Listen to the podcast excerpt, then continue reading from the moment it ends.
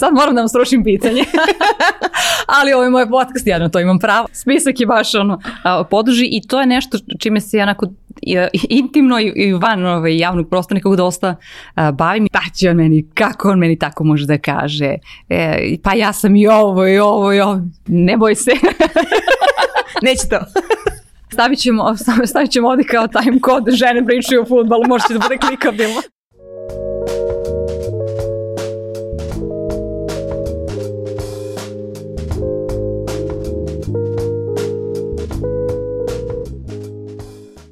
Znaš da postaviš prava pitanja, što znači da ćeš uvek imati prave odgovore. Jedan je od najlepših komplimenata koje sam dobila od sagovornika u Fusnota podcastu. A pošto je ovo 50. epizoda, reših da se poigramo i da se ja nađem u ulozi gošće. I ne, neću razgovarati sama sa sobom, mada mi ne bi bio prvi put, već sa mojim dragim drugaricama Sonjom Dakić i Milicom Ličinom Čalija. U duhu slogana Grand Cafe, hajde da imamo vremena. Želim da vas pokrenem da i vi pozovete na kafu osobe koje će vam postaviti podsticajna pitanja. Ovo je 50. epizoda podcasta Fusnota. Ko hoće nek čestita u komentarima. Prvo da ti čestitam Dakle, kao neko ko nije još ni deset epizoda ovaj, snimio, a već imam krizu i pitam se šta mi je ovo u životu trebalo. Uh, prvo da ti čestitam na istrajnosti, a drugo da te pitam uh, kako je došlo uopšte do toga da pokreneš šta ti, to šta ti je sve to trebalo, bukvalno? e, pa možeš da biraš sad kako, na koji način ću da ti odgovorim smešno, ovaj, filozofski ili uh, kao, pro, uh, kao poslovna žena. Elem, uh, hajde da krenemo od toga, uh, od tog smešnog dela. Šalim se, neću prvo od toga. da zabavimo Možda nije toliko smešno, da. Um, razlog tome je zato što... Ne, čekaj, ti nam daj sva tri odgovora, mi ćemo pogoditi koji je smešni, koji je poslovni, koji je filozofski. I koji je pragmatični, da. E, naprosto smatrala sam da, da imam ja šta da ispričam i da neki ljudi za koje ja znam imaju šta e, da isp... koje poznajem, e, imaju šta da ispričaju. I to je nekako moja generalno, kao da kažem, e, mantra Ako ti nešto ne valja, ili ti se ne dopada, pritom ne mislim sada ovde na, na podcast kao formu, ne u tom smislu uopšte, nego naprosto ako, ti, ako te nešto žulja, sedneš, popraviš koliko ti možeš i kako ti možeš. Tako da ja kao neko ko 22, uskoro 3 godine eh, radi u medijima i ko je prohodao eh, u redakciji, vrlo dobro znam kakvu oni, hajde da kažem, moć i uticaj imaju. A, tako da na ovaj način sam ja kao jedan mali medij a, i pokušavam da ono zašto je važno i način na koji ja smatram da je važno da se a, dalje proširi neki glas u ovom slučaju kroz ovaj podcast uradim. E, drugi deo... to nije smešno. da je najzabavni. Um, Da, da ljudi imaju opravdanje, pošto vrlo često kada, e, kada pogledaju neku epizodu javim mi se i onda kao kažu, ok, između ostalog je kao hvala ti zato što sam čuo ili čula tu i tu priču um, i slično. I imaju sad opravdanje za neke svoje ludosti. E, da kažu, Alex je rekla da je to ok, Alex je rekla da, da mogu da se bavim i ovim i ovim i ovim, da je to u redu, tako da oni imaju opravdanje za svoje ludosti i da ja imam nekad opravdanje za neke svoje ludosti, ali na koji način ludosti, znaš, um, ja kad sam bila mala sam jako volila da, da pravim igračke. Uh, I nikada mi nisu bile zabavne kao to nešto, kao ti kupiš neku igračku ili ostalo, već ja kao ono, rekreiram nešto, bilo da je to kuća za barbike, odelo, za barbike ono Sims, uh, kao kar, kartonske lutkice i slično. I, uh, a šta, šta je stvari igra? Igra je stvari način na koji ti učiš nešto. Tako da uh, ja isto sad volim da kažem da se malo igram, ali u stvari a, mnogo toga učim a, kroz ovaj proces jer potpuno je drugačiji ti kao neko ko je, ko je radio dugo a, u medijima i, i ti kao neko ko takođe kreira a, različit sadržaj, to nije kor onoga što ti radiš, ali definitivno uh, i to radiš, uh, znaš da ono, ti kroz taj proces jako puno rasteš. Uh, ovaj, tako da je, da je to moja prilika da kontinuirano. Sad sam kao običao, sad ne mogu kao sad, kao, ok, ide svake nedelje, ja sad, sad ljudi znaju da taj podcast ide svake nedelje i tu sebe teren kao što sam ranije radila recimo uh, mnogo više kroz newsletter i slično, ovaj, onda sam uh, u kondiciji, isto tako, znaš, ili ćemo pronaći put ili ćemo ga sami napraviti, pa tako ja te igračke onako ovaj, i sama isto jeli, napravim i smatram da je to takođe i, i meni preporuka za, za neke druge poslove i kroz, kroz ono što sam ranije kao samo inicijativno pokretala su mi bile dobre preporuke za neke druge poslove. Da dam tebi ja sad jedno opravdanje. Uh, Freud je imao jedna od teorija mu je bila da zapravo čovek počinje da ima probleme kada prestane da se igra i da je deci svojstvena igra, da mi prosto društvo nas nekako ukalopi, da to prosto nije više u redu kada odrastemo i da su zapravo psihički najzdraviji glumci iz njegove perspektive jer oni ne prestaju da se igraju. Tako da sve ti načini na koje ti nalaziš ili mi svi u stvari nalazimo način da se igramo zapravo su dobri za mentalno zdravlje. Da. Sad mi je lakše. Sve u redu. Ona ima diplomu da mi da, to da, potvrdi. Da, ona može to zvanično ti potvrdi. Ja sam tela da te vratim na to kad si rekla kad sam bila mala pravila sam igrački, to mi je bilo interesantno jer uh, hoću da razmisliš, da probaš da se setiš, znači na, na tu temu poten, multipotencijalista i tih raznih tema. Ja uvek tvoj newsletter sam preporučivala ljudima ko politikin zabavnik. Ja sam u fazonu, postoji deo interneta za koji ja ne znam, ali ga zna, zna i ona izvuče najbolje iz njega ja, ja tako saznam za gomilu super stvari. Ali da li je to neki možda događaj u tvom detinstvu? Da li je okruženje u kome si rasla ili neka osoba koja je zapravo za koju ti smatraš da je možda najviše izvršila utice i bila neki možda čak i nesvesni model da ta tema, da ti tako kreneš da pristupaš informacijama i svetu? Da.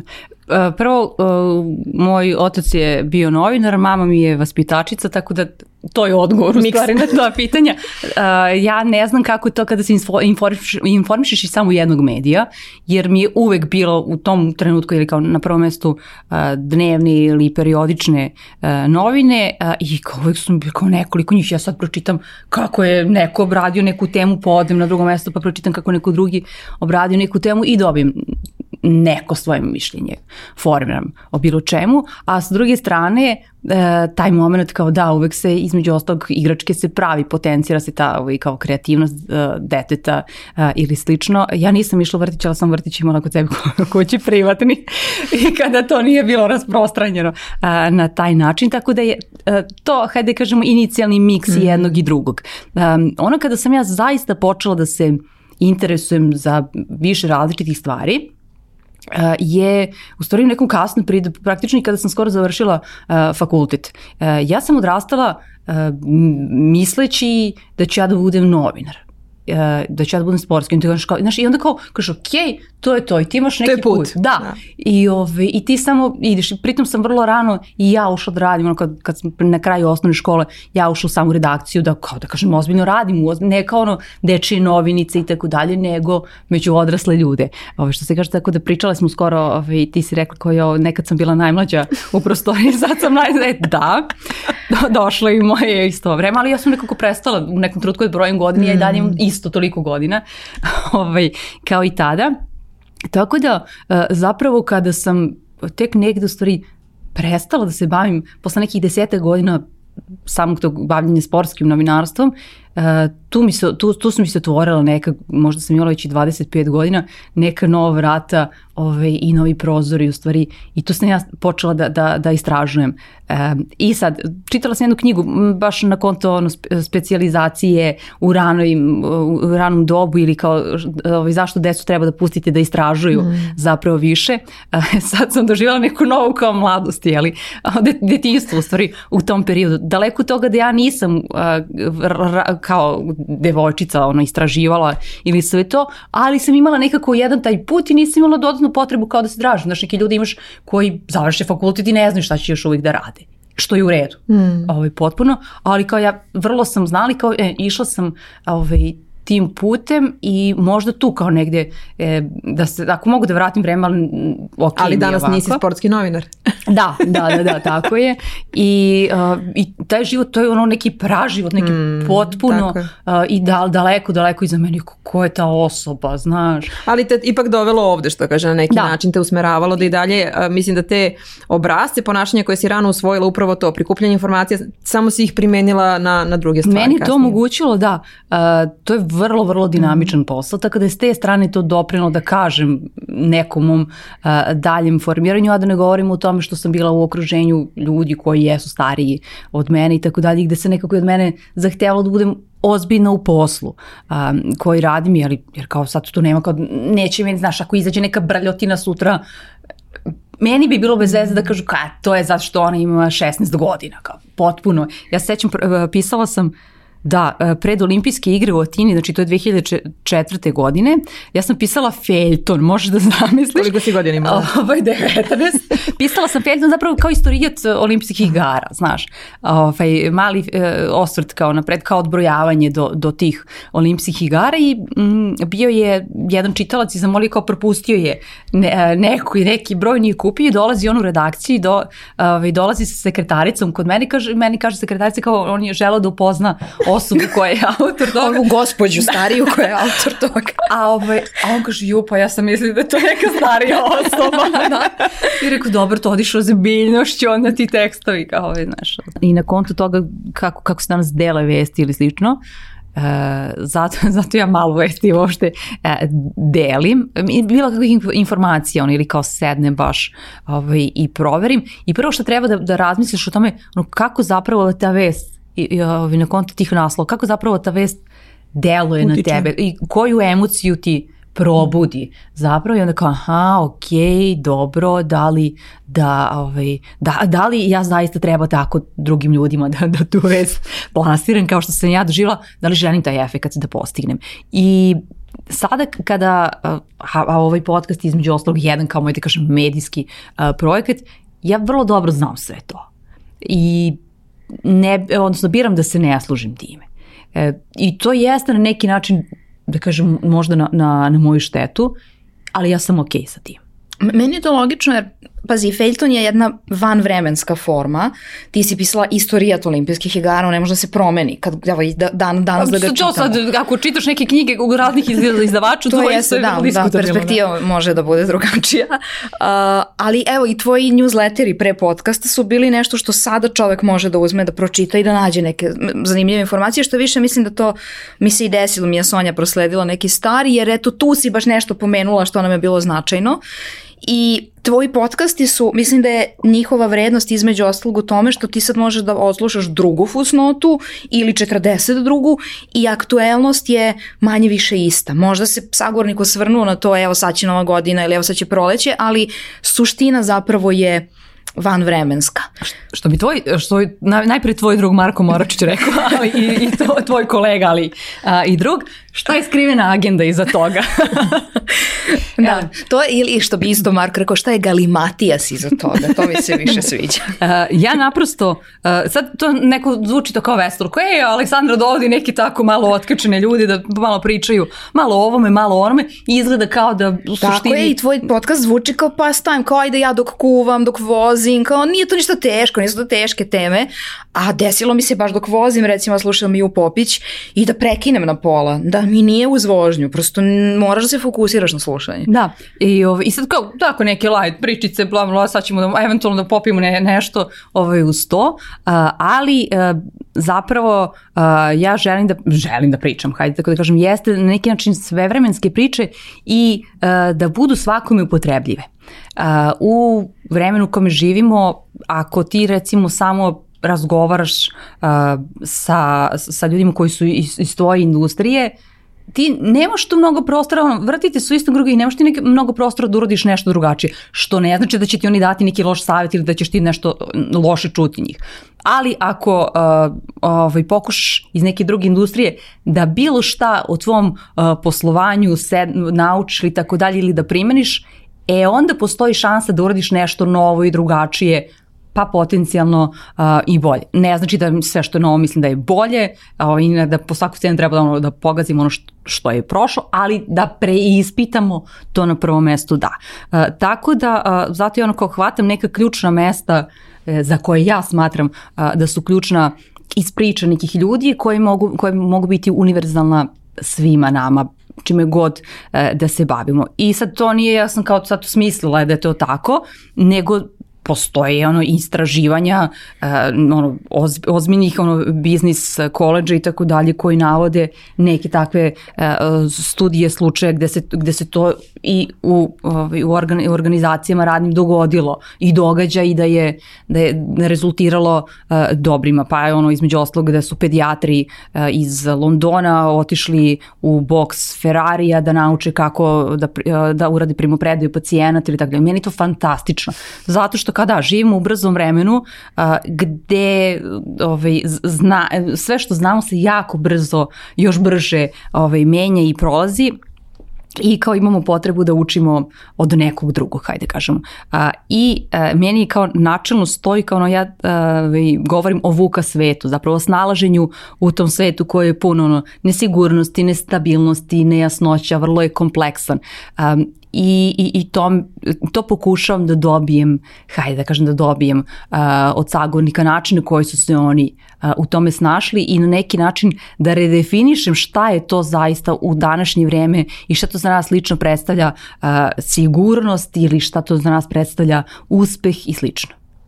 No, sam se raspričala kao da sam u svom da. podcastu.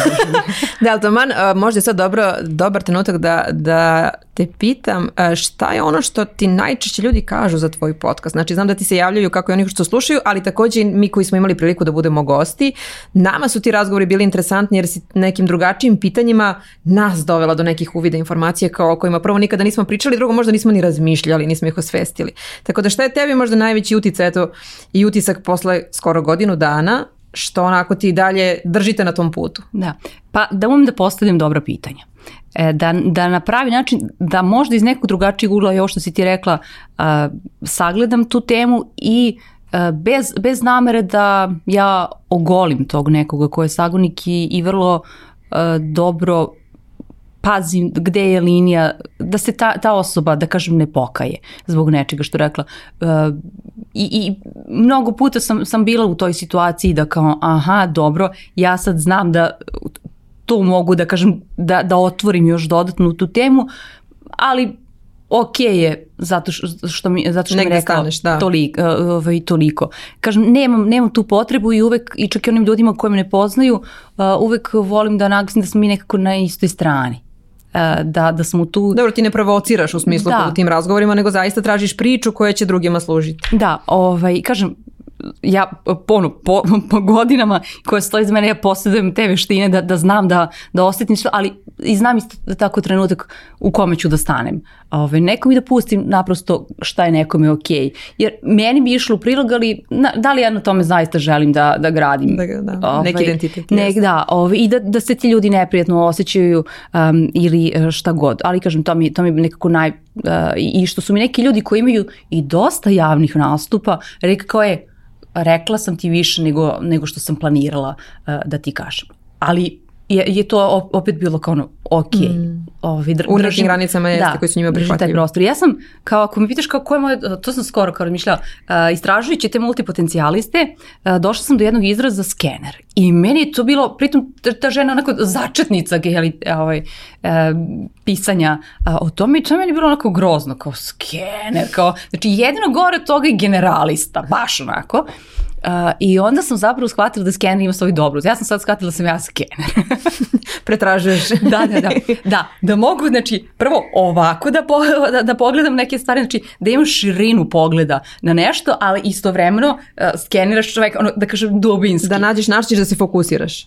Tako je, da. I onda sad jedin kao, e, ja sam u stvari moja super moći što sam ja skener, mogu vrlo brzo da, i to isto delom profesionalna deformacija, kada uđem u neku prostoriju, otprilike znam ko je, ko je javna ličnost, polujavna ličnost, ko, ko se s kim, kakav odnos ima ili tako dalje, ali čak i kako ne govorimo o tome, kažem, vrlo brzo umem da, da kažem, da imam pregled mm. ovaj, nekih stvari i kad se ustremim na nešto, onda znam istovremeno da da prodrem, hajde kažemo, u, u dubinu neke teme. Ti si u stvari Iva. Iz filma Wall-E. E, pa Samo ne, ne tražiš nešto. biljke, nego tražiš to nešto. E, priče u ljudima. ljudima da. Mnogo sam slaba ovaj, sa, sa filmovima i sa muzikom. To su mi, ako mi ono, kao, to su mi dve slabe baš tačke. E, što, što naprosto ne znači... Da kad, kad bi još je to? Pa, da. ne znači da ja da smatram da tu nema vrednosti, ali... Ali dobro, ne. mislim da sada kako si postala mama imaš priliku da otvoriš i to polje informacija, tako da meni su crtani filmovi i muzika ogromna ono što kaže ovaj, arhiva sadržaja. E, ali što se tiče muzike recimo, znaš šta bi, kako bih ja to pristupila? Ja zamišljam recimo ako niko me nije pitao. ali da kažem. E, pitajte me sad za muziku. kako ja ovaj, doživljam. Uh, tako ja bih volila recimo, ima jedan antologijski klip i zbog toga, a ono, srpski veliki brat zbog toga treba da postoji. ovaj, zbog, zbog klipa na YouTube, hvala YouTube što postoji. Đani Ćurčić analizira gaćice. e, ovaj, I sada ima to, oni su kao analiziraju pesme ovaj, folk muzike, tako da ja ne bih još išla ovaj, u folk muziku, ali volila bih recimo da analiziramo Bajagine recimo pesme. Red, neki smatruju da je Bajagine. Čekaj, mi analiziramo pa, Bajagine da. pesme. da to radimo privatno. e, ali to znaš da postoji... I tako recimo, treba i da ostane. neko književno veče, znaš, i tako da. Da, da, odlična ideja. Znaš kao zašto, šta, mi smo radili recimo to u školi, ti si mnogo više nego svi mi, ovi to da analiziraš šta je, ne znam, hteo da kažu u tom kosovskom ciklusu, pred kosovskom i tako da. dalje. Ali ne Bajagu, zato što on je meni srušio sve iluzije kada smo godinama se mi pitamo do ko je to grad na 442 od Beograda, kad je Bajaga rekao mrtav ladan, ma to mi se rimovalo, kao što se ložite budale. Znaš, tako da možda ne Bajagu. Naći ćemo. Da, ali ima, ovaj, ima par stihova njegovih, znaš, ko, šta on sad tu da, hoće da, da. da kažem? Kad, kad smo mi... Ali to je, meni je to sreće da... Mislim, kako je sad da imaš ti analiziraš tamo, šta, kad Dis ili ne znam, uh, Milan Rakić ili tako dalje. Što sad, kao, bliže nam je vremenski, mi možemo to bolje... To je tačno, da ali dobro, evo, za to je, na primer, Đorđe Balašević. On stvarno jeste prvenstveno pesnik. To mi je palo na pamet, zato što sam skoro analizirala, recimo, pesmu Kao Bane. Mm -hmm. I sad ima tamo jedan stiker, da li je sad on mislio ovo ili je mislio ovo, mm, da, kako da, da. je sad ovaj, taj stiker. Tako da organiz, da, dogovorit ćemo neko večer, Može, može, sjajna ideja. Prilju, pa ako hoćete da nam se i preključite, to ćemo će da. naplaćivati ulaznice to će i bez potrebno. telefona. da, ali ajde sad da se osvrnemo još, još nešto mi je interesantno, a to je, pored ovog podcasta, pored novinarstva, ti si razne druge projekte radila.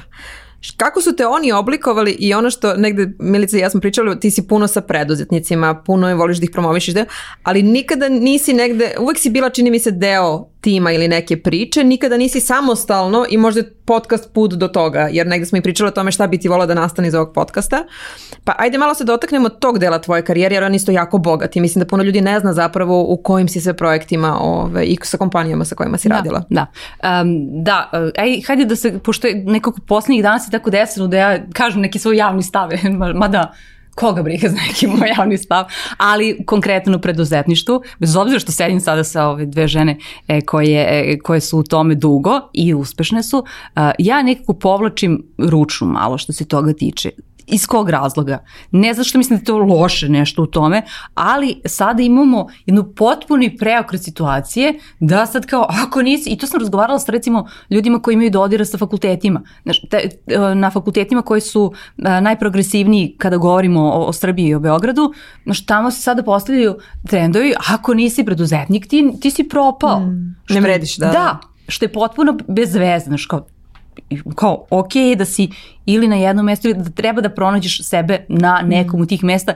i svako od tih mesta na prvom, eh, na prvom treba da bude zdrava sredina, posticana Ovaj, I meni je žao zato što kao, to se sad kao pronalazi kao ok, ja sad nemam izbor pa ću da idem u preduzetništvo.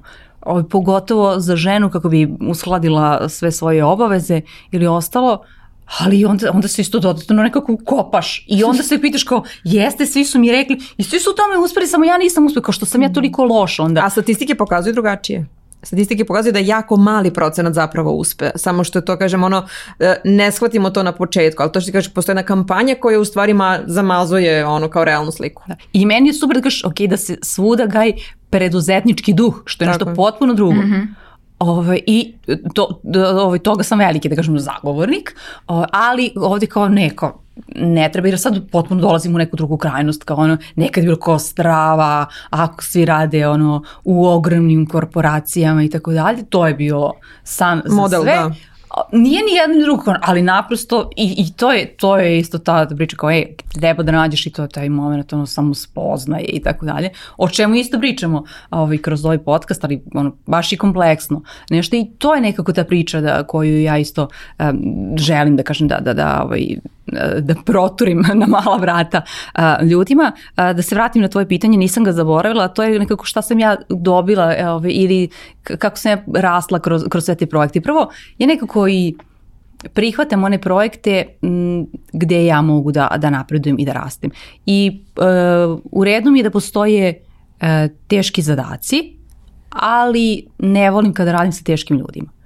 Ovaj, potpuno ovaj posao je kompleksno, čeka nas nešto što, što nije lako, gde imamo veliku odgovornost prema tome i slično, i to je u redu potpuno, ali ako imaš ono, dugodi sa kojima treba direktno da srađaš, a oni su jako teški, tu uglavnom ne pristajem uh, da, da radim takve stvari. Uh, I imala si još neko potpitanje i možeš da me Ka, vratiš? Da, pa u suštini kako te to oblikovali, kako ti sebe danas vidiš? Znači šta je za tebe možda tvoj savršena, da kažem, biznis model, ali ne tako, nego tvoj način poslovanja u smislu gde vidiš da ćeš se dalje možda razvijati? Šta ti je plan? Da. Uh, ovaj, zato, zato ovaj, ne znam tačno ovaj, šta mi je plan. Plan mi je u stvari da uzmem kamper i to je to. Neću da pogledam, moram da smislim još mnogo toga na, na zemlji pa, i pa, pa da se onda a, to dogodi. Um, ja sam, ono, znaš kao ono, ono krivu inovacija, odnosno ide ovako u stvari kao ono. A, ja sam ti neki, e, nisam inovator, ali sam neki ono early adopter. Znači, uh, umem da, da prepoznam i skoro smo ti ja pričale ovaj, na, na tu temu, ja umem da prepoznam šta je to uh, što čemu treba podrška i što, što ima potencijal da, da bude nešto dobro a, i da ga oplemenim, da na tome radim a, i slično. Znaš šta, da si propustila da pomeneš kada si pričala o tome kako umeš da prepoznaš to nešto čemu da, treba dati vrednost i što ti u stvari kao neko ko je komunikator, koji je brand komunikator, umeš da, da ispričaš, uh, propustila si da ti umeš da ga savršeno staviš u kontekst.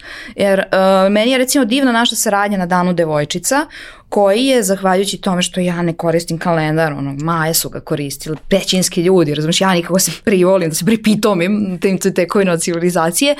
Ja sam, mene on zatekao kod sneg putare i ja sam shvatila da je on u oktobru, a ne u novembru i da ja više sad nemam vremena da njega planiram kao što sam inicijalno htela. I onako prvo sam Sonji i Ivani posla bojažljivo neku poruku kao, a jel da je bez veze sad, pa ko, ko će za 10 dana da organizuje čitav event? I ona me ohrabre da nije bez veze i čak me upute na neki kao prvi krug ljudi koji bi mogli da mi pomognu.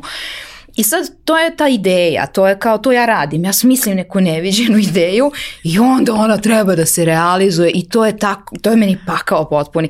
E onda ulaziš ti koja tu ideju konkretizuješ i ti znaš koji ljudi mogu najbolje da govore o tome, koji ljudi, kako da staviš u kontekst u stvari tu ideju i uh, vrlo si ono hands on, ti, ti zoveš ljude, ti se dogovoriš s njim, ti si stvarno imala panel koji smo mi morali da prekinemo zato što ono, publika je beskonačno postavljala pitanja i to je sve bilo fantastično. Uh, I mislim da je to u stvari možda tvoja, tvoja najveća vrednost. Znaš, da osim što prepoznaješ šta je to kao što je bitno, ti ga konkretizuješ, ti ne pustiš da to je neka ideja ili da ti pišeš o tome u načelu, pa tako, eto, nek neko drugi to, to realizuje. Da, ima, u ovom podcastu se ne, ne psuje, ali da, da se stvari dese.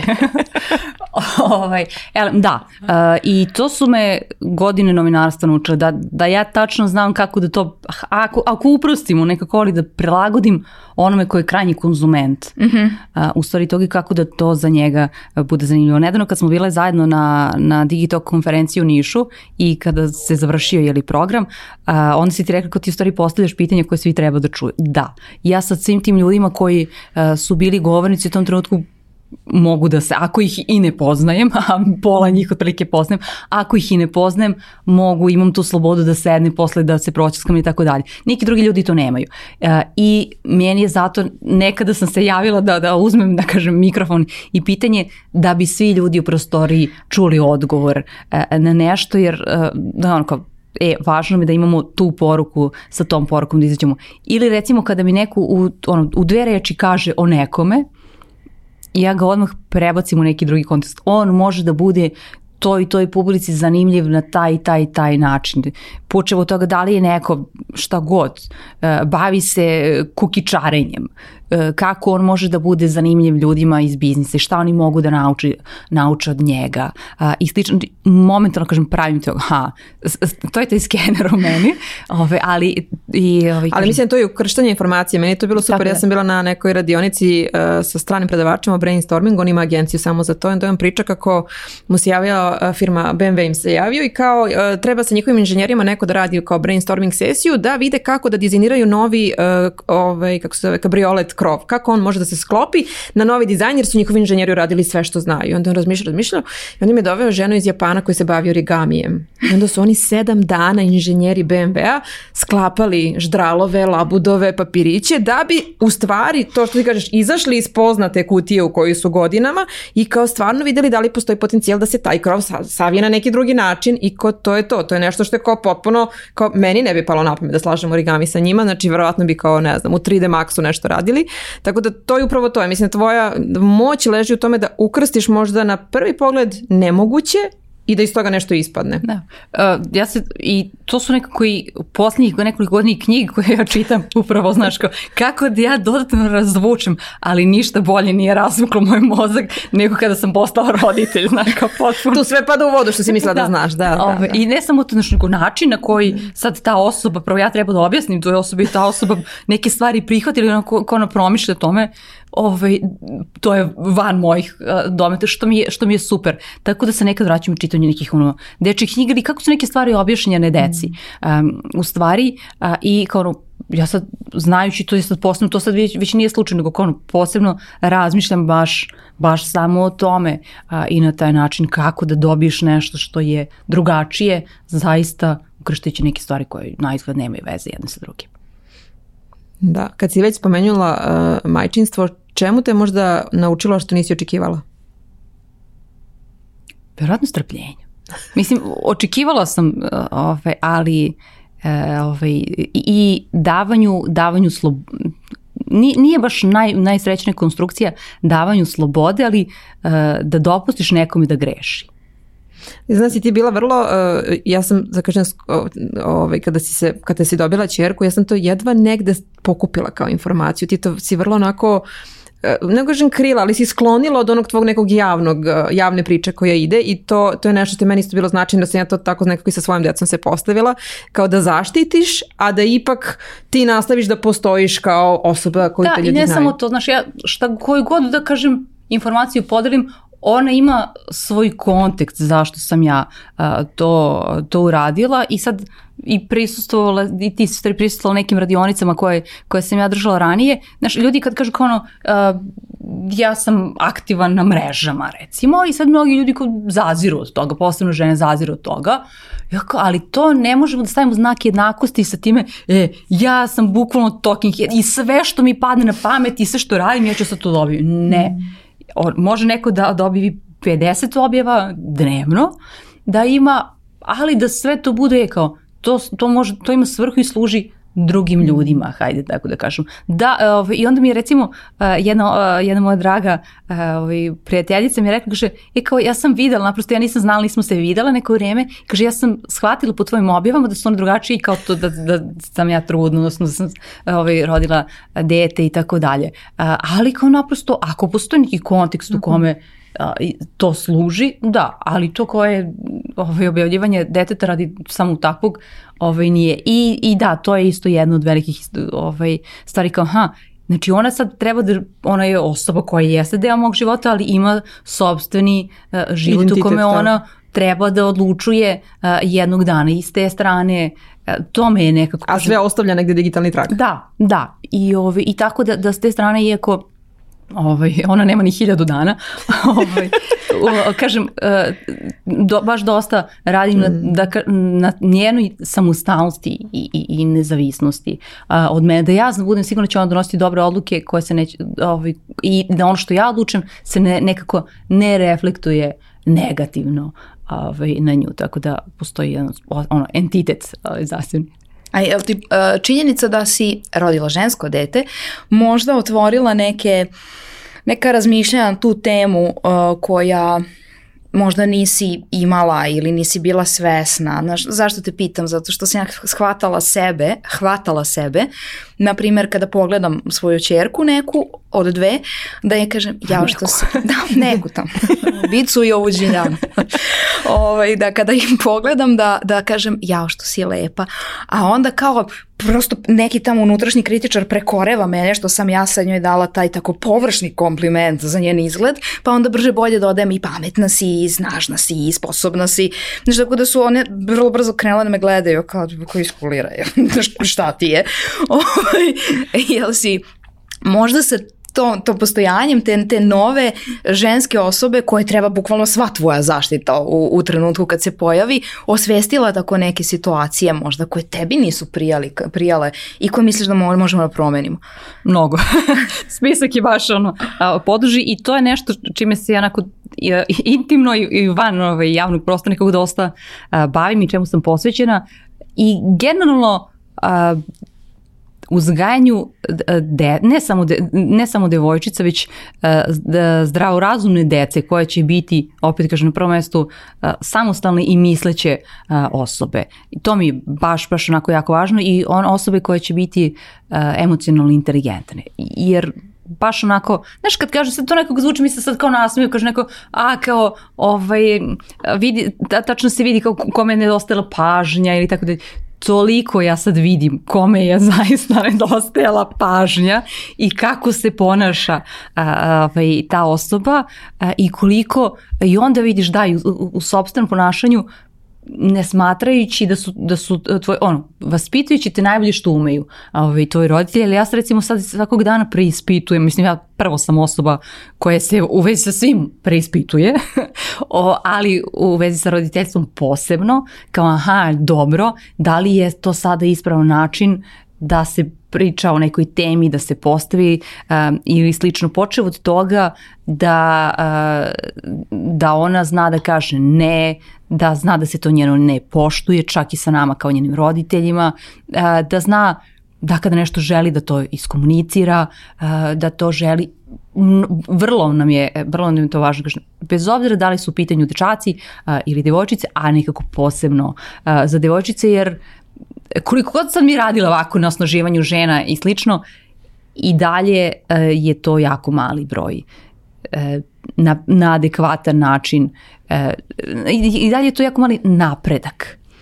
Treba nam još uvijek kritična masa, hajde tako da kažemo. Mislim da to nije postalo opšte prihvaćeno. Da, postoji veliki napredak, ali nije ovaj, u potpunosti prihvaćeno, tako da ja nekako nju učim da se, da se vlada u, u tom svetu. Da, mada postoje, da znaš, nama je problem što je napredak sporiji nego što nama, što, što nama lično treba. Mi, mi ga ne, ne, nećemo doživeti onoliki napredak koliki želimo, ali on realno postoje. Znaš, juče sam na nekom ekonomskom forumu pričala sa nekim drugim preduzetnicama i sad tvoja menakinja Aleksandra Bezmarević, uh, koja je uh, zagovornica te teze da postoji uh, promena, pita nas druge za stolom, pa dobro, ali tvoj data menjao pelene? Pa mi sve kažemo ne. Dobro, je tvoj muž menja pelene? Pa kao realno menja. Znaš, tako da neke stvari se ipak kreću i u dobrom smeru se kreću. Sad, to što mi nećemo baš da doživimo Ali u kom ideal. procentu, da, ali u kom procentu mi sada govorimo da, da ima muškaraca. I u kom određenom, da kažemo, okruženju. Jeste, tako je. Da, da, to je zapravo naš krug. Da li, da li je to postalo, uh, da li je to i dalje nekako uh, izuzetak ili mm. postaje nešto o čemu sad mi ni ne pričamo? Znaš, da. Ko, To je tako. Ja sam imala recimo tu dilemu e, pre nekoliko godina e, dok sam radila u, u medijima, pisala sam e, tekst u svom, hajde kažem, drugaru iz detinjstva koji je stvarno napravio veliku stvar u Njujorku za neke škole, škole futbala, ali koje su za decu sa skromnim, uh, ekonomskih krugova i uh, to trenir, treniraju zajedno dečaci i devojčice. I onda sam nekako sve vreme kroz tekst naglašavala to. I onda sam stala kad sam se pročitala ga ponovo, rekla sam aha, ako ja ovo naglašavam, znači da ovo nije nešto što se podrazumeva. Da. Znaš, ako ovaj, naprijed kao dečaci i devojčice, oni treniraju, deca treniraju futbal. Znaš, mm -hmm. ako mi svaki put naglašavamo te stvari, to znači da, mm -hmm. da mi ih ne, ne Nije opšte prihvaćeno da, i dalje. Da, Da, i zato negde, iako su mnogi kao, jo, to je rogobatno, šta ti sad to znači, ja negde naglašamo, to je preduzetnica i što postoje mnoge reči u srpskom jeziku koje ni pre 50 godina nisu postojale. Neko ih je izmislio, pa ih mi sada prihvatamo. Da, kao to. mi, mi ne, nedovoljno insistiramo. Ja sam uh, to shvatila držeći jednu radionicu za polaznike iz regiona, uh, na početku koje sam se ja predstavila, ispričala kako sam pre toga bila na nekim pozicijama u, u kompanijama Uh, I posle radionice mi je pričala, uh, prišla devojka iz Hrvatske i rekla u početku mi je bilo teško da te pratim jer si pričala o sebi u muškom rodu. Ja uopšte nisam osvestila, ja kao, o, žena nije normalna, ja uvek pričam o sebi u ženskom rodu, u smislu, što kaže Đura, ako je pojela, onda je žensko, znači ja sam pojela, ne kažem za sebe pojeo sam. I shvatim šta sam uradila, ja sam rekla da sam bila direktor marketinga, a pre toga sam bila menadžer korporativnih komunikacija. I ja nisam bila, to sam bila direktorka i menadžerka, ali je to u hrvatskom jeziku mnogo više odomaćeno i one su menadžerica i direktorica mnogo duže nego što smo mi menadžerka i direktorka i mi moramo da krenemo od sebe. I posle te radionice nikad više nisam o sebi pričala u muškom rodu, tako da je e, to zapravo možda onog trenutka kad se nama učini da je previše ko što je meni više muka od reči osnaživanje. To znači da je možda tek prvi put stiglo do nekog do koga, kome stvarno treba osnaživanje. Da, ja kažem, ja, ja stvarno nemam problem, možeš da, on, možeš da me zoveš kako, i u redu sam sa tim. Ali da, kao što si ja ti rekla, postoje naprosto žene zbog kojih ja kao koja imam svest o tome, smatram bar da imam svest o tome, treba da, da insistiram. Ka, kao kada tome. kažu, znaš, postoji uh, u Americi Black Lives Matter pokret, pa onda uh, protivnici tog, ne znam čemu se tu ima čovjek protiviti, ali onda kažu, pa šta kao, jel, jel nisu vredni svi životi, jel su vredni samo crnački životi? Problem je u tome što se u praksi vidi da, da se ne vrednuju mm. jednako i sve dok se vidi ta razlika, mi moramo da insistiramo na tome. Isto tako moramo da osnažujemo žene dokle god postoji potreba da se one osnažuju, dokle god Znaš, užasno me nervira kad kažu, ali žena je ženi vuk, pa vi same sebe minirate, pa vi same jedna drugoj. Da, čoveče, jer smo u takvom okruženju rasle da smo prosto i same naučile da za nešto nismo sposobne. Nismo Ili da moramo same. Da, takvih, takvih slučajeva ima, a, ali ono što, kako se ja da kažem, borim protiv toga, tako što uvek Uh, pa i, i učestvovali smo zajedno, ali uvek kada imam priliku uh, da kroz primer pokažem kako treba da, da podržiš a, drugu ženu, a, ovaj, uvek to i uradim. I uvek pozovem onu osobu za koju znam da će svojim primjerom, jer onda se to tako ovaj, širi. Nekada neke mm. žene i nemaju nekakvu ideju kako da mogu, kako mogu da pomognu a, nekim drugim osobama ili da, ili da naprave saradnje šta god. A, ali onda kroz taj, da kažem, ovaj primjer, onda kao, aha, dobiju neku da. novu ideju kako zapravo mogu da se, mislim sad isto to zvuči ono vrlo kao izrabljena reč, umreže i slično, ali ako sednemo zajedno napravimo taj veliki kolač, pa imaćemo šta i da podelimo to kolača. Ako sad sednemo svaka za, za svoj ćošak i, i drži po nešto, da. nećemo imati To je ono, da ako svaka dođe za po jednom idejom, kao tići ćemo sa po tri, tako da, da to ima svoje. Ja bih volila samo se vratim još malo na razgovore koje ti vodiš sa ljudima i uh, Milica imala tu sjajnu ideju da te pitamo kada bi imala priliku da imaš svoju tajnu večeru. Ko bi bile neke osobe možda iz istorije, onako, bez ikakvih ograničenja koje bi ti volela da, ovaj, da upoznaš i da pitaš da. neke stvari? E, znaš šta? Sad moram da vam srušim pitanje. Ali ovo je moj podcast, ja na to imam pravo. E, šta je poenta? Ja mnogo volim istoriju. Istorija je jedan od, bukvalno od mojih omiljenih uh, predmeta bila tog školovanja i slično. Uh, sada mi ona služi nečemu drugom. Uh, da znam da bolje razumem šta se dešava u sadašnjosti i da percipiram šta će se dogoditi u budućnosti. Ne ono sad ja sam kao proročica sa Delfa ili ne znam Tarabića ili tako dalje, e, već e, zbog toga što ljudski mozak se ono jako, jako sporo menja. I, a, a to je to je ono što vozi civilizaciju na prvo mjesto. Možemo mi da pričamo o tehnologiji i tako dalje, fantastično je, mnogi stvari uradila, ali ako ne postoji ono spremnost ljudi da nešto prihvate i promene. Da nešto promene, tako je. A naš mozak je onaj koji je, koji je imao i onaj lovac u pećini. Znači, malo se toga tu, nije mnogo. Mislim, postoji ono ovaj, Sapiens Paradox, kogod ukuca na glupu naći će a, detaljnije o, ovaj, o tome koliko, se, koliko ono, postoji biološka na evolucija čoveka, odnosno mozga, a, je li kao takva, naspram kulturološke i da ne govorimo o tehnološkoj revoluciji. Tako da, šta je sad pojenta? Ja bih zapravo volela, ako mogu, da se vedem u budućnost, mm -hmm. a ne u prošlost. Jer kažem, mislim, daleko od toga da ja sve znam o prošlosti, ili e, zabavnije bi mi bilo naprosto da odem u neki trenutak u budućnosti a, nego, nego samoj prošlosti. Šta bi tražilo u budućnosti? Šta da, bi ti dobro, zapravo pitanje je bilo postavljeno u sadašnjosti, a da ti možeš da zoveš bilo koga Vremensku bez ograničenja da, iz istorije. Da, da. Primjer, radi bih zvala Dantea, ali da sedne sa Leni Krevicom za isti sto, znaš. Znači, kao zamisliš da nemaš nikakvih ograničenja i onda koga bi, koga bi volela da, e, da. s kim bi volela da porazgovaraš. Jel baš, znači, šta, šta smo se rekli? Koja je finalna verzija? Da, a, ako je recimo jedna osoba koji se ja nekako da kažem, a ako govorimo o nekim ličnostima iz javnog života koji baš su neko nekako intrigira me njegov život uh, je Mihajlo Pupin i koga sam ja baš volila dosta i volim uh, da izučavam i mislim da može na vrlo na mnogo prijemčivi način da se približi i ima šta da kaže mlađim generacijama. On je bio neko koji je potikao, potikao ono iz vrlo siromašne porodice, koji je neko koji je bio ovaj, migrant i vrlo dobro se pozicionirao u, u društvu koje je tada bilo krem de la krem i koji je imao uticaja u različitim sferama. Istovremeno neko ko je bio izuzetan učitelj a, i, jer, i to je meni, znaš, meni je, meni je taj moment uh, važan. On jeste da ima gomilu patenata iza sebe, uh, ali isto tako uh, ima četiri Nobelovca ispred sebe, odnosno on je bio njihov jeli, uh, učitelj po tome je nekako kad me pitaš šta je to kao ovaj, po tome kako ti meriš uspeh nekog čoveka, uh, merim ga po tome šta je, na, na, ko stoji na njegovim ramenima. Ko, koga je on edukovao da, i osnažio. Tako je, da.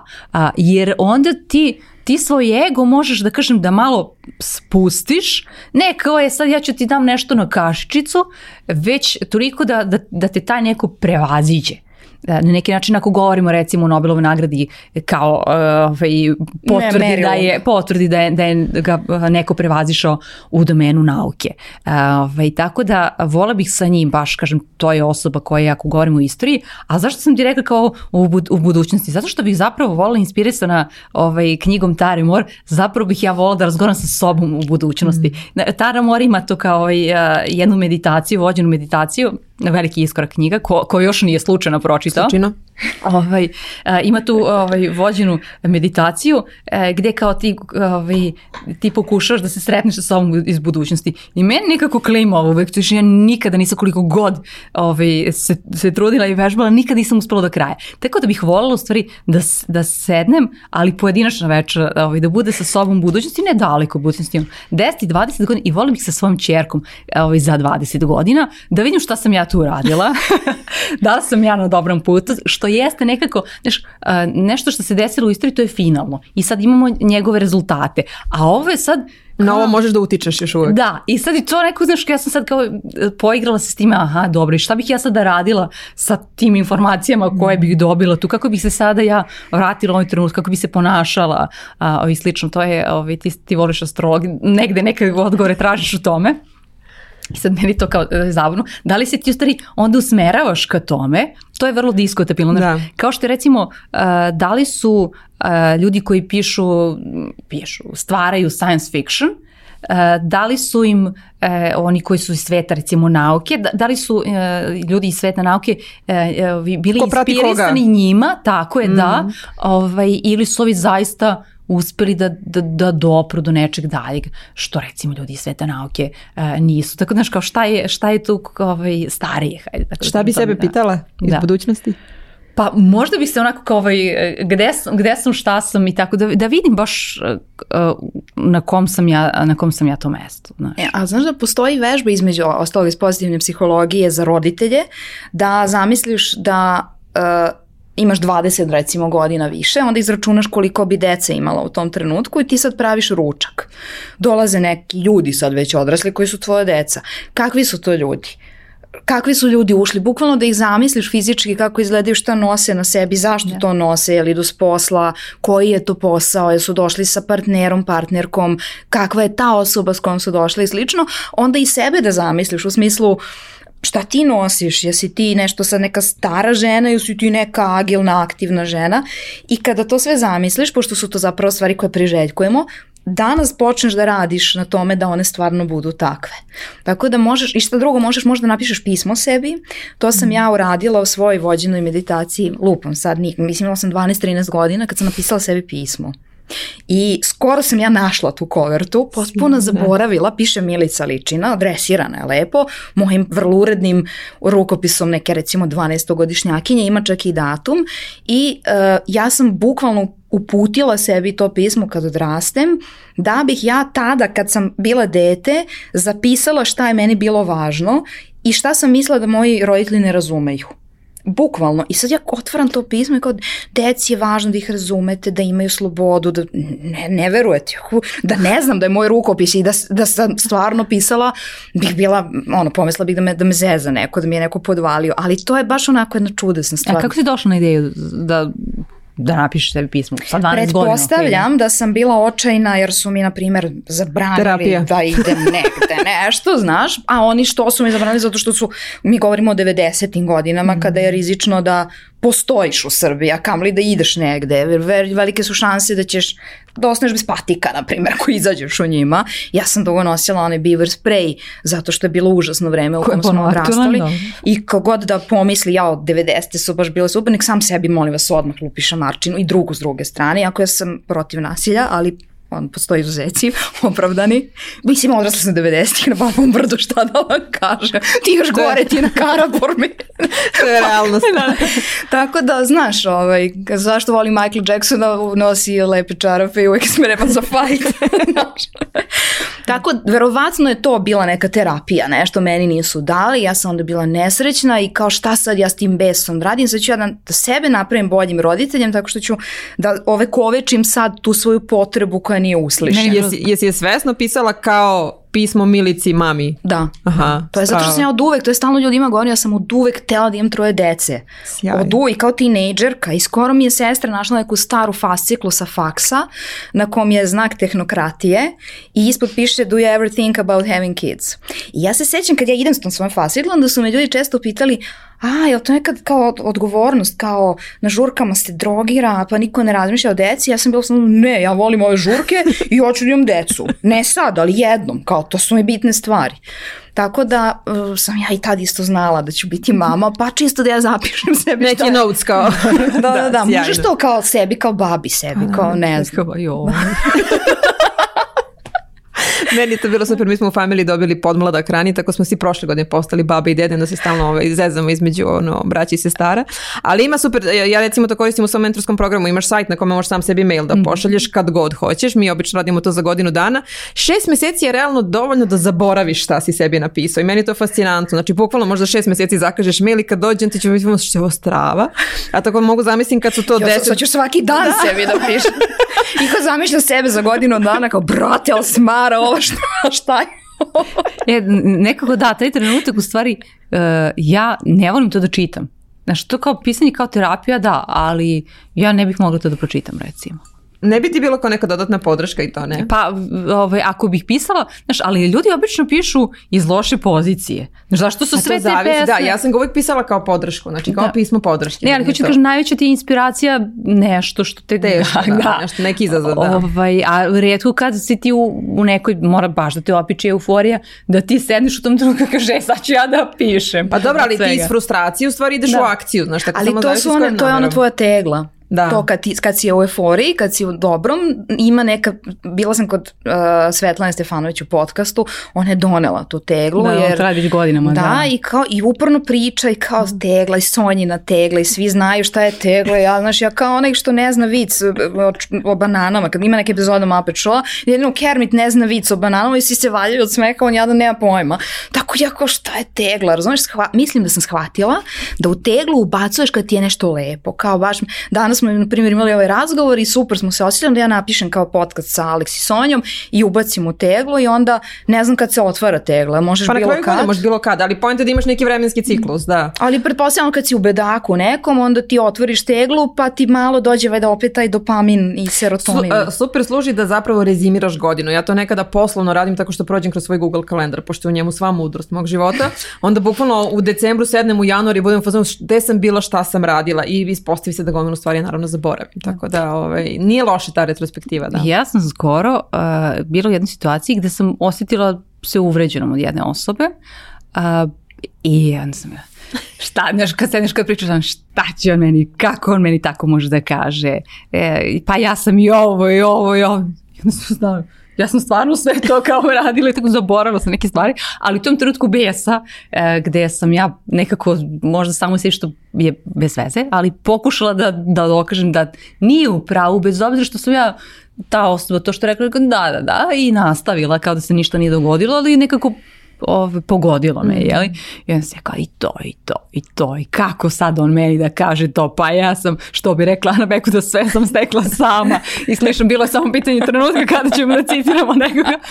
A da, da, samo se trenutka, nije ni ovo što bilo Pa evo smo preskočili. Rekla si ti muzika nije kao vi, ali vidiš da ipak ima Pa stihovi, da, znaš, da. iako ja stvarno prilično sam loša, postoji dve ukupno recitacije u životu koje ja znam, ovaj, ali ovaj, osim onih, ne znam, sto stihova za gorske vijenosti, si vjerojatno morala više da naučiš, pošto si išla u filološku ko ti kriv. Ove, ali osim da, ali ti... sam imala sreću ili nesreću da imam profesora književnosti koji se nekako zabagovo ugradio u prve godine i onda preskočio na četvrtu godinu. Tako da napamet znam epo Gilgamešu i Antigonu i do besvesti smo obrađivali ta dva epa, a onda smo preskočili sve što on nije smatrao, prosto da je mnogo važno. Znaš, pa, nacionalnu književnost to uopšte nismo pročitali. Ja to ako znam, znam možda iz osnovne. Da. Ja sam baš, da. ovaj, uh, e, otkriću nešto, uh, pošto sad kao otvorili smo se, jeli, kada govorimo o ne boj se. Neće to. Dobro je. Neću, neću o tebi. Šalim se. Elem, uh, imala sam ideju zapravo da, da pozovem svog profesora filozofije iz gimnazije, svog profesora filozofije u podcast uh, i mail je otprilike počeo, mi se nismo uh, videli gotovo 20 godina. E-mail je počeo uh, rečima da ili ko sam i da ja njemu sam uživala u njegovom predavao logiku i filozofiju i da sam ja beskreno uživala u njegovim predavanjima i da mi je bilo fenomenalno, ali da mu jako zameram zato što je on, a on je bukvalno na pola školske godine e, otišao, da nam se nije najavio i otišao je na, na filozofski fakultet, gde je i danas i tako dalje i mnogo je li uspešniji nego što u tom trenutku kao gimnazijski profesor bio i tako dalje. I, ali kažem, meni je, što je sad moment taj oslobađanje kad ti posle 20 godina nekom nešto kažeš, nije to ono epohalno bitno. I slično ja sam kad stvarno njega ono, i uvijek kada spominjemo neke, ono, na, neke prosvetne radnike, ja kažem, ja kako je bilo fenomenalno da su svi kao Peđa, Uh, I jako sam žela da on, da on dođe pogotovo u, u svetlu svega što se dešava trenutno u prosveti, što nekako mene uh, tišti. Ja smatram da to zaista treba da bude kvalitetna baza za, za, za svaku dete i za svako društvo uh, i na kraju dana, ali on nažalost zbog zdravstvenih problema ovaj, nije, nije sada u prilici da dođe. Ja se nadam da će, ovaj, da će dobiti sledeće godine, uh, ali što je u stvari ovo sad ideja svima da pozovu svoje profesore ako su vitalni uh, ovaj, u, u svoje podcaste. Neće mog profesora da pozovu.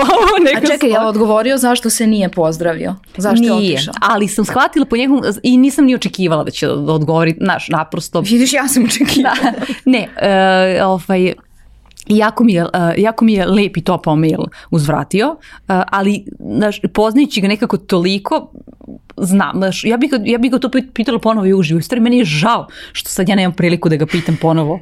Biće možda. Ne uživo, biće, ako da. sluša, neće sigurno doći. I sve će ono pita što se ja otiš na polotku. Pre 20 godina. Da, da. Pa ne, Tako dobio sam priliku da. neku. Ne, čovjek je naprosto otišao, ovaj, otišao, otišao na, na filozofski fakultet da se dalje razvije u svojoj karijeri i to je s te strane super, ali meni je kao nekom, ono, nekoj gimnazijalki koji je on bio strava profesor, uh, zato što nas je on, znači nama je bukvalno čas bio ono, ovaj, Atinski trg, razumiješ, i sad misli to on to ono, raspravlja se sa tobom, u tom trenutku ti dozvoli, mislim, nije da je on sad kao nešto insistirao na tome, ali ti si sad njim u tom trenutku na ti i, i tako i se raspravlja, tu imati jednu filozofsku mm. raspravu, ovaj, pa ono, onda ono izađe i otvori vrata, pa ono izađe, pa se prošete, pa se vrati i tako kažem, nekako baš ono, baš pravi prosvetite. Ja, hvala ti na ovom osnaživanju. Baš ti hvala zato što kad sam smislila, kad mi u stvari Sonja pomogla da definišem ime za podcast, ne ovo do duše, ona mi je definisala neko drugo, ali rekla je, ključna rečenica je bila uh, i to će biti moje sledeće pitanje, zašto se podcast zove Footnota. Uh, ključna rečenica je bila, on mora da se zove, da to ime podcasta tebi bude važno. I, i to, je, to je bio kraj potrage za imenom. Meni je stvarno važna božanstvena komedija. I onda sam pomislila kako ću baš da zovem svoju profesoru književnosti sa fakulteta, koja je predivna jedna žena, koja se zove Mirka Zogović, zbog koje ja toliko obožavam Dante, a zato što je način na koji ona govorila mm. o tom čoveku uopšte nije bio kao da govori o nekakvom liku iz istorije ili o nekom čoveku iz, koji ima nekakvu lektiru koju mi sad treba da čitamo. Ona je govorila o Dante u osobi, o čoveku, o tome kako je on uticao na druge ljude. Znači, to, ta njena predavanja su, sad ja ne znam, možda samo meni, evo, možda me gleda neko svak, znam da me gleda neko s fakulteta, mi piše posle da je gleda ove tvoje podcaste, ali evo, napišite mi, jel sam samo ja doživljavala predavanja profesorke Zogović kao nešto fantastično i dobila na toj književnosti jedan koja traje dve godine, znači od prvih pisanih tragova do baroka, tu treba u glavi da koja lika na tom ispitu da držiš, dobila deset kod nje, što nikad niko nije ogroman ispit, prosto jako je teško držati u glavi, ali mene ona toliko inspirisala i motivisala da sam neka, ja nju moram da zovem da mi pričamo o Danteu I sad sedela sam u nekom društvu i svi su me ovako pogledali i rekli, molim te, nemojte zašto pričate o Danteu, kao, ne, ali, ko će to će biti specijal. da ko, to ćete samo vas dve da slušate. ne, uh, postoji, mislim da, da ovaj, ja, ja bih baš volila da, da čujem to i možda da ga objasnite u, u, dana, u kontekstu današnjeg vremena. Ja se opet sad vraćam na taj nekako kontekst, ali bitno je e, da jer imaju šta i, i ljudi koji u ovom trenutku imaju 15 godina. Apsolutno. Da ona, je, ona je nedavno na Kolarcu držala pre neku godinu predavanje koje se zvalo Zašto i dalje čitamo Dantea. Da. Da. A nedavno sam bila u Beogradskom dramskog na, na pozorničnoj predstavi da, koja se zove Božanstvena komedija i to je možda najgora stvar koju sam u životu gledala. Ja sam se toliko ljudi moji razočarala jer to je u stvari predstava o penzionisanom nemačkom golmanu koji je zapravo serijski obica.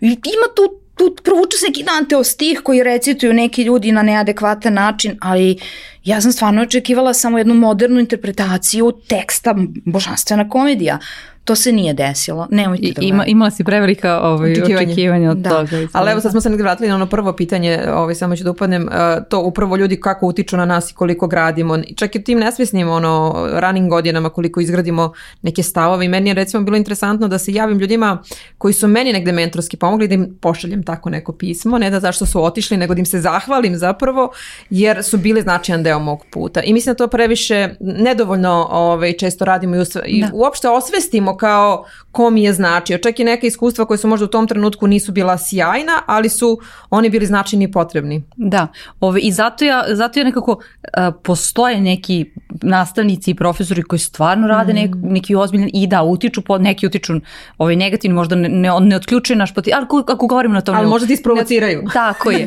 Ove, da, i sva, kao svako od nas komediji, zato mislim da, da posebno treba da ima i tu vrstu uh, odgovornosti, odnosno da, kao da pričam o nekim uh, dobrim primjerima i to je način na koji ja odgovaram na aktualnu temu, je li tako što ponudim je, ali postoji nešto što je, što je dobro, moje iskustvo je ovako. Da, imam i neka iskustva koje su bez veze i, njih ću da rešim na nekoj drugoj strani, ali kao da, hajde da, da vidimo i neke koji su dobri primjeri, da bi neki drugi mogli da, da budu jer šta sam naučila još da mozak, o, to sam utvrdila, mozak ne poznaje negaciju. Ne, ne. O, skoro sam na, na drugoj konferenciji. To si kao roditelj da, da, da, da, da, baš. Ove, na, ponavljam sebi, e, treba da najavim na, na konferenciji jednog momka i ja ponavljam sebi, nemoj da kažeš što ime, nemoj da kažeš što ime, zato što to ime neke druge osobe.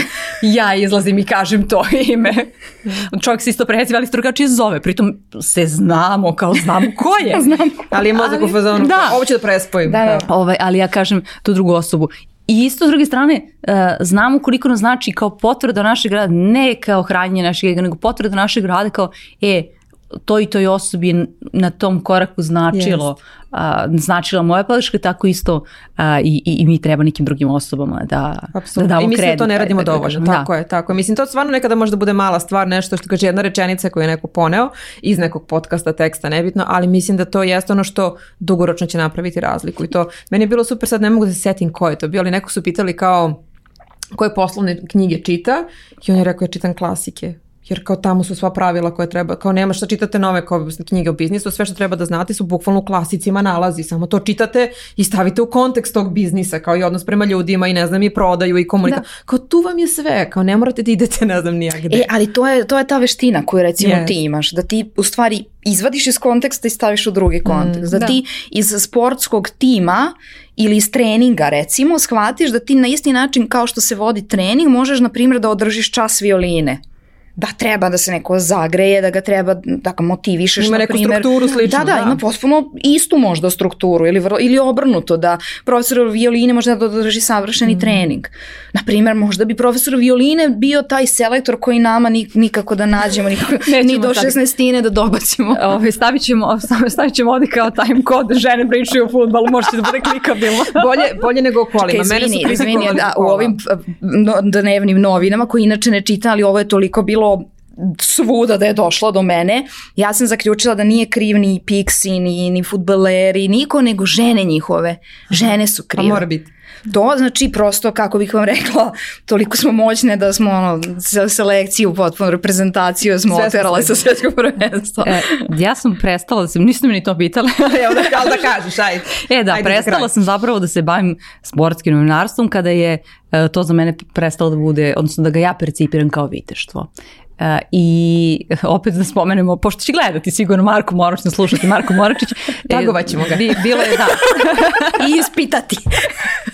da, li sti, da li stigo do, do, do ovi 70. minuta. Uh, ja sam isto za, pisao osvrnuo se na, na dešavanje na svetskom prvenstvu u futbolu i mnogo širo toga, na našu percepciju ove, toga i ja sam isto definitivno zagovornik da uh, treba da se ulaže samo u amaterski sport, ali mi je jasno zašto to nije tako. Ali to da ostavimo sa strane, ne moram ja da imam mišljenje o svemu. Ili tako? Da, ali zašto, pitanje u stvari bilo um, Za pre ovih svih um, um digresija, da, je bilo zašto baš fusnota, zašto si to mhm. ime odabrao? Da, uh, zato što je to uh, priča iza priče, onu koju ne pročita svako, uh, a koja ti može mnogo toga reći i otvoriti neki novi prostor to je uh, ukratko to. Ideja zapravo za Fusnotu postoji još od pre nekoliko godina, pre, nekoliko godina pre nego što je nastao um, sam podcast i tako se otprilike zvala jedna kraća forma mutirajuća sa koje možda nisam do kraja znala šta ću da uradim, ali e, ideja mi je zapravo bila da kroz blog ili neku audio formu koja je, ali, odnosno podcast. Nastalo među da, vremenu. a, ispričamo o, o specifičnostima, da, da jedna osoba baš a, o, ogoli jednu temu, recimo, a, i to je to kao, znači, to je taj tekst ispod, odnosno a, i ta fusnota, tada se u tom momentu to nije e, realizovalo, bilo je par nekih tekstova i tako dalje, ali je a, e, ostalo na tom i šta je bilo recimo specifičnost i to je ono možda što, o čemu ja razmišljam kao u napređenju a, ovog podcasta, da bude još dodatno, bio je zapravo u tom formatu dodatno moj komentar, jer nekada ljudi, a, i ja to a, shvatim po pitanjima koje mi postavljaju, ovako kada pričamo, kad mi kažu preslušala sam ili preslušala epizodu, ja onda pitam, a šta ti ostalo, kao da vidi koliko si preslušala tu epizodu, e, onda zapravo shvatim da nekada ljudi možda nije im najjasniji kontekst zašto ja postavim neko pitanje i šta, šta u stvari stoji za tog pitanja. Zato ja, kada, kada uh, oni, ljudi koji slušaju, uh, ljudima sa kojima razgovaram, nekada postavim preopširna pitanja, ne samo u toku našeg razgovora, već i, i u samoj pripremi, ne zato što je moja ideja da mi sad kao sednemo i izdeklamujemo sve to i čao, spakovali smo se, već da bi se i ta osoba nekako bolje uh, pripremila, da bi znala u kom kontekstu uh, želim da čujem nešto nje ili njega. To, to, to je baš dobro uh, objašnjenje, jer ja se sjećam da sam često u knjigama, ja sam ona životinja koja piše po knjigama, podlači šta ali A da, to se ne radi. Grafitima. Ja svima. ja sad u knjige ne pozajmljujem.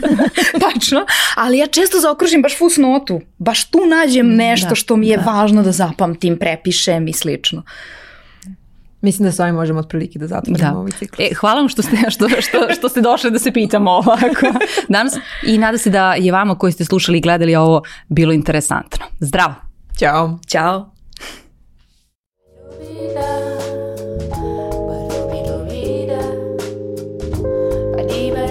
da,